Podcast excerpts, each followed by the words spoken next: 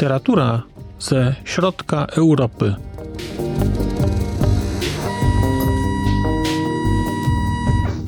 Podcast około książkowy.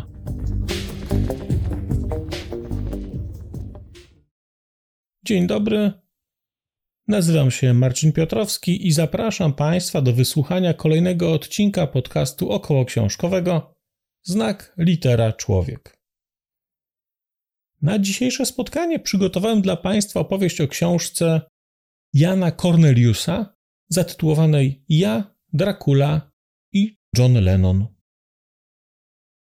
Książka ukazała się w Polsce w roku 2020 nakładem wydawnictwa Amaltea z Wrocławia, bardzo zasłużonego dla wydawania literatury rumuńskiej i czeskiej. Przekładu z języka rumuńskiego dokonała pani Radosława Janowska-Laskar. No i wydaje mi się, że warto dodać jeszcze, że ja, Dracula i John Lennon to jest tytuł główny tej książki.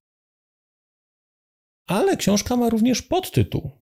A podtytuł brzmi Opowieści zdumionego mieszkańca i obserwatora komunistycznej Rumunii i wspaniałego Zachodu.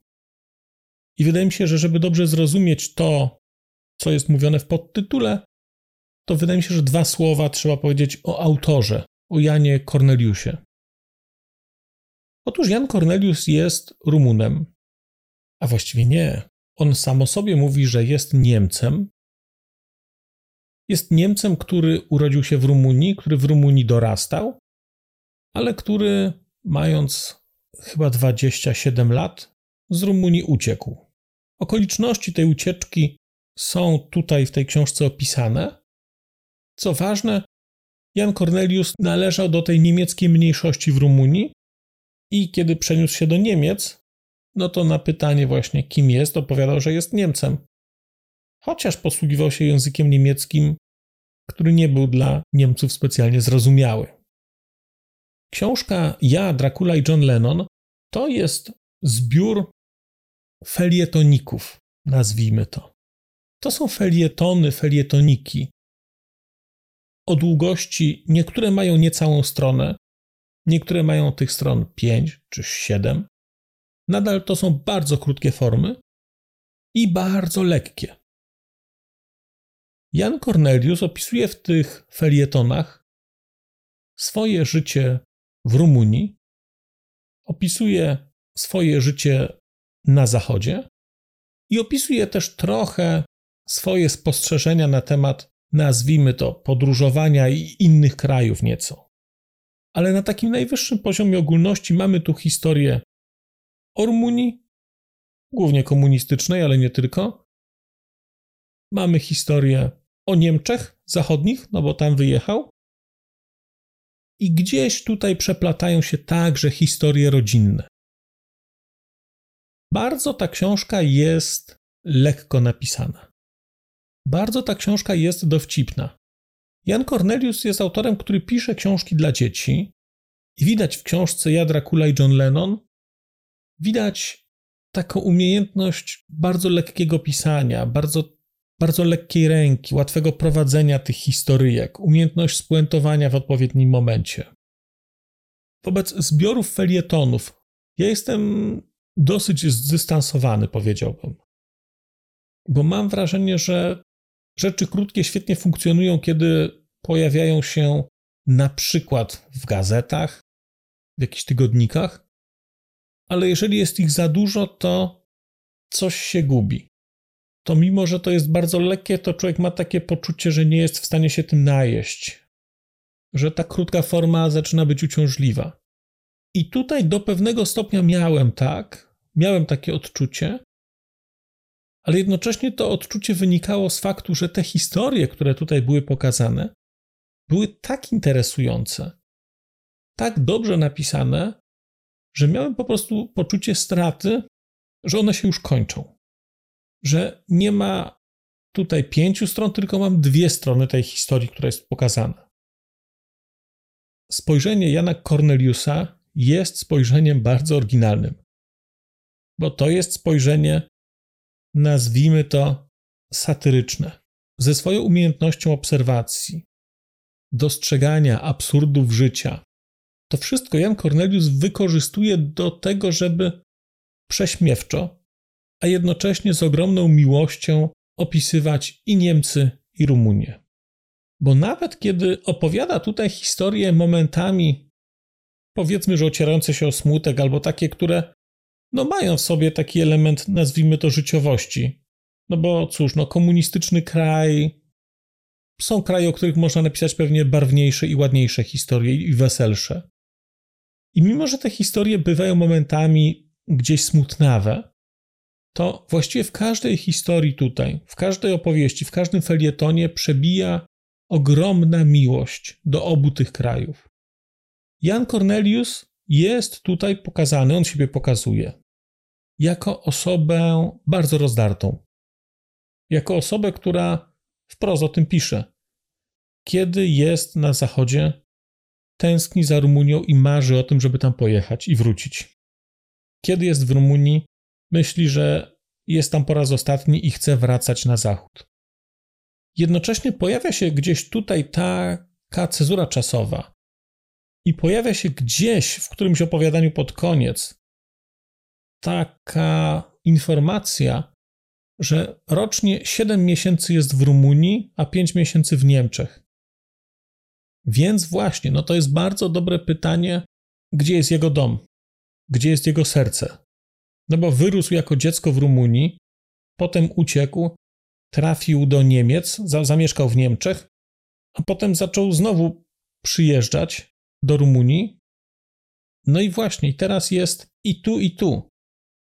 No i trochę jeszcze jest we Francji, bo tę południową Francję też bardzo kocha i te wątki francuskie też gdzieś są tutaj jakoś obecne. Elementem tej książki, bo to nie jest tak, że to są tylko felietony. Są tutaj też rzeczy, fragmenty listów, które on dostawał, korespondencji jakiejś.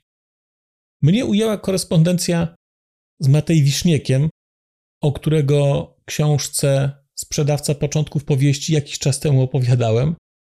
No więc panowie się znają. Wiszniek mieszka w Paryżu, Cornelius mieszka w Niemczech. No i prowadzą korespondencję.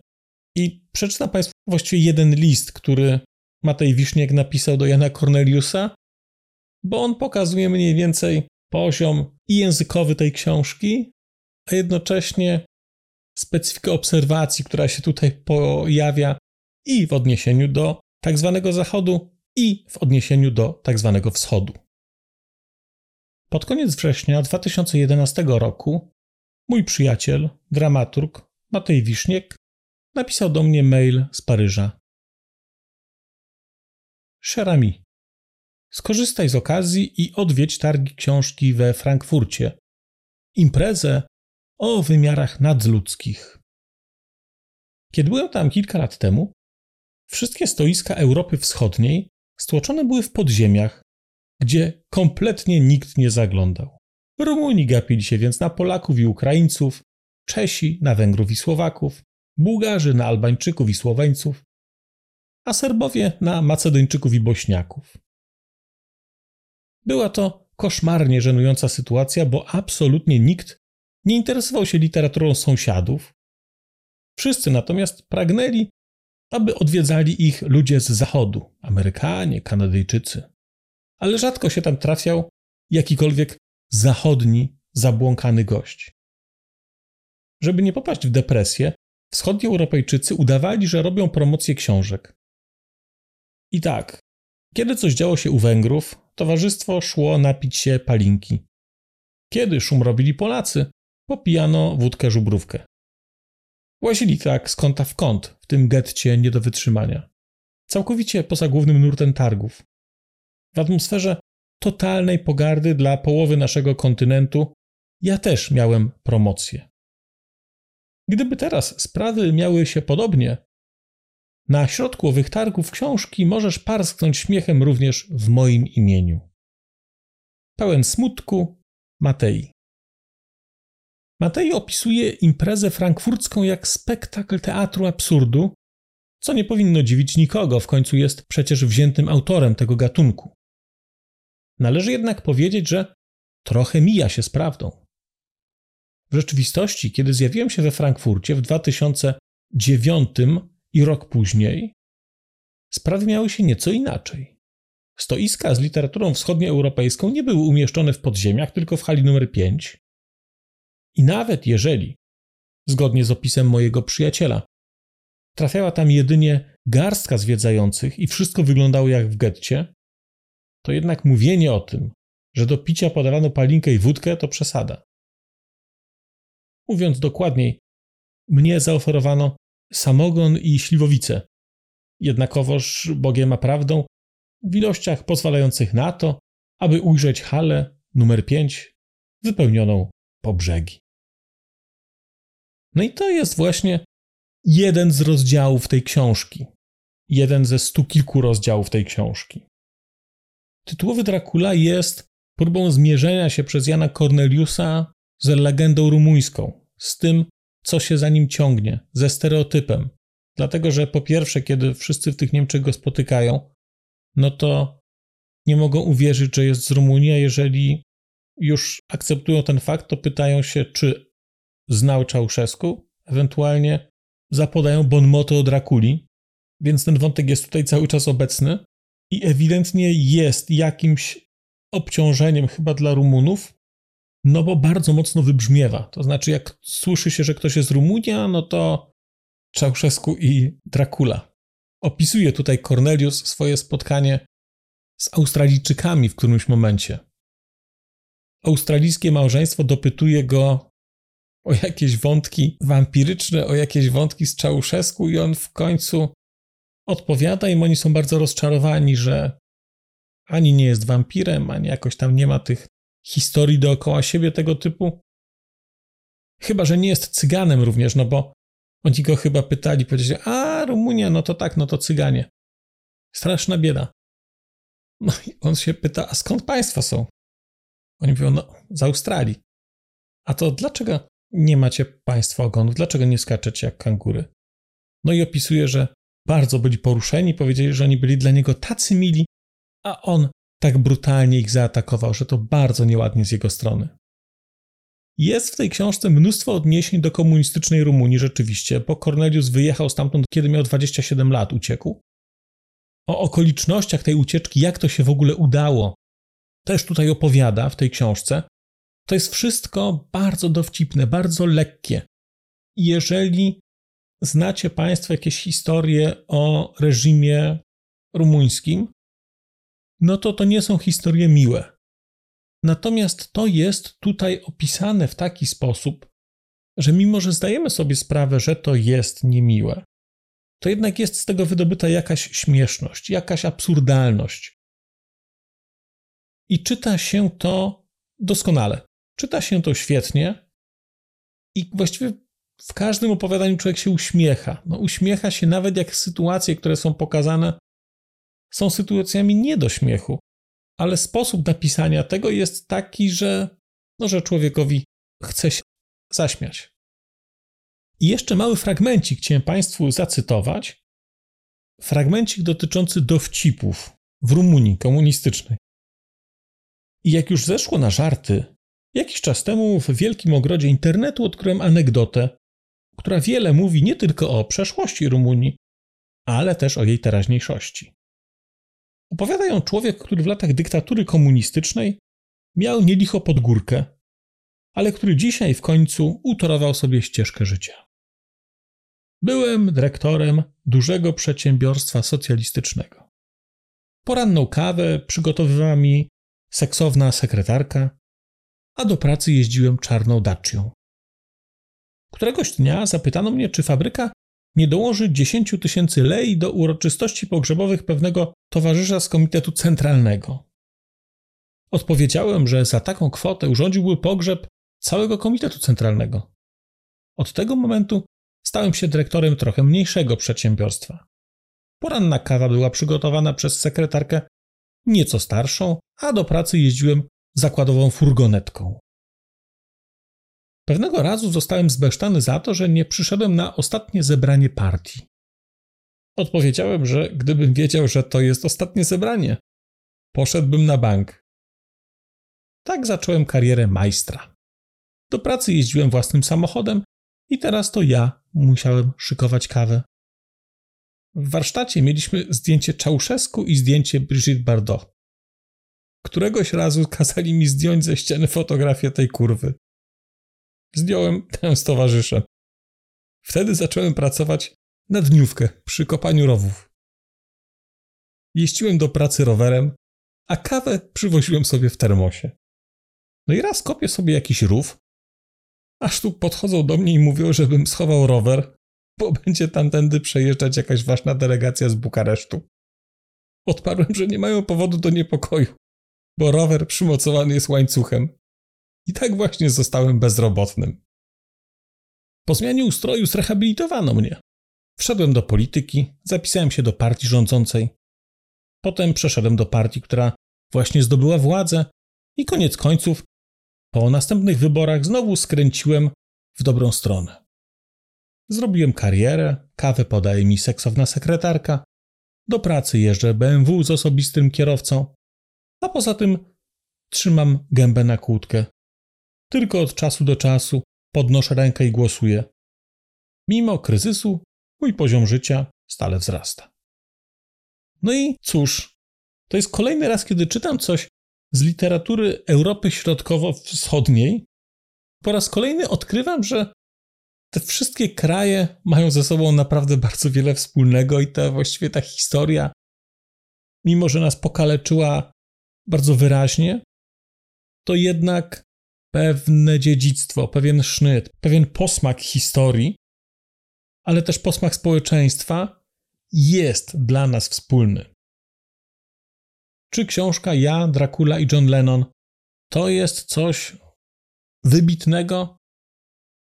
Wydaje mi się, że nie. Natomiast jest to coś znakomitego. Czyta się to świetnie. Daje to bardzo taki oryginalny ogląd i na Rumunię, ale też na Niemcy. Ogląd człowieka, który jest rozpięty między dwiema kulturami, który właściwie funkcjonuje w dwóch kulturach.